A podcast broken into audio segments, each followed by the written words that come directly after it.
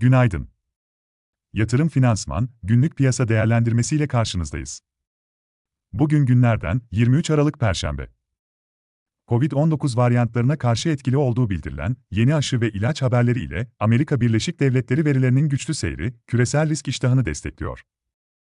Bu iştahın, içerideki haber akışı ve devam eden volatilite nedeniyle Borsa İstanbul etkisi sınırlı.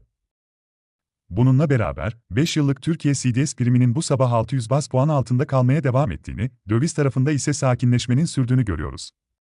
CDS primleri halen 2020'de pandemi ile sıçradığı seviyelerde ve 2018'de gördüğü zirvenin üzerinde.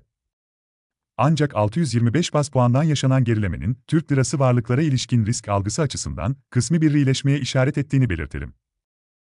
Borsa İstanbul'da bu sabah pozitif açılış bekliyoruz. Devam eden işlemlerde yüksek volatilite ve bankalarda yaşanan pozitif ayrışma devam edebilir. Borsa İstanbul Yüz Endeksinde 50 günlük üssel ve basit hareketli ortalamaların geçtiği 1733 ve 1793 destekleri ile 1840 ve 1895 dirençleri izlenebilir. Ajandada ise içeride para politikası kurulu 16 Aralık toplantısının notları ile Türkiye Cumhuriyet Merkez Bankası yabancı menkul kıymet işlemleri ve rezervler izlenecek.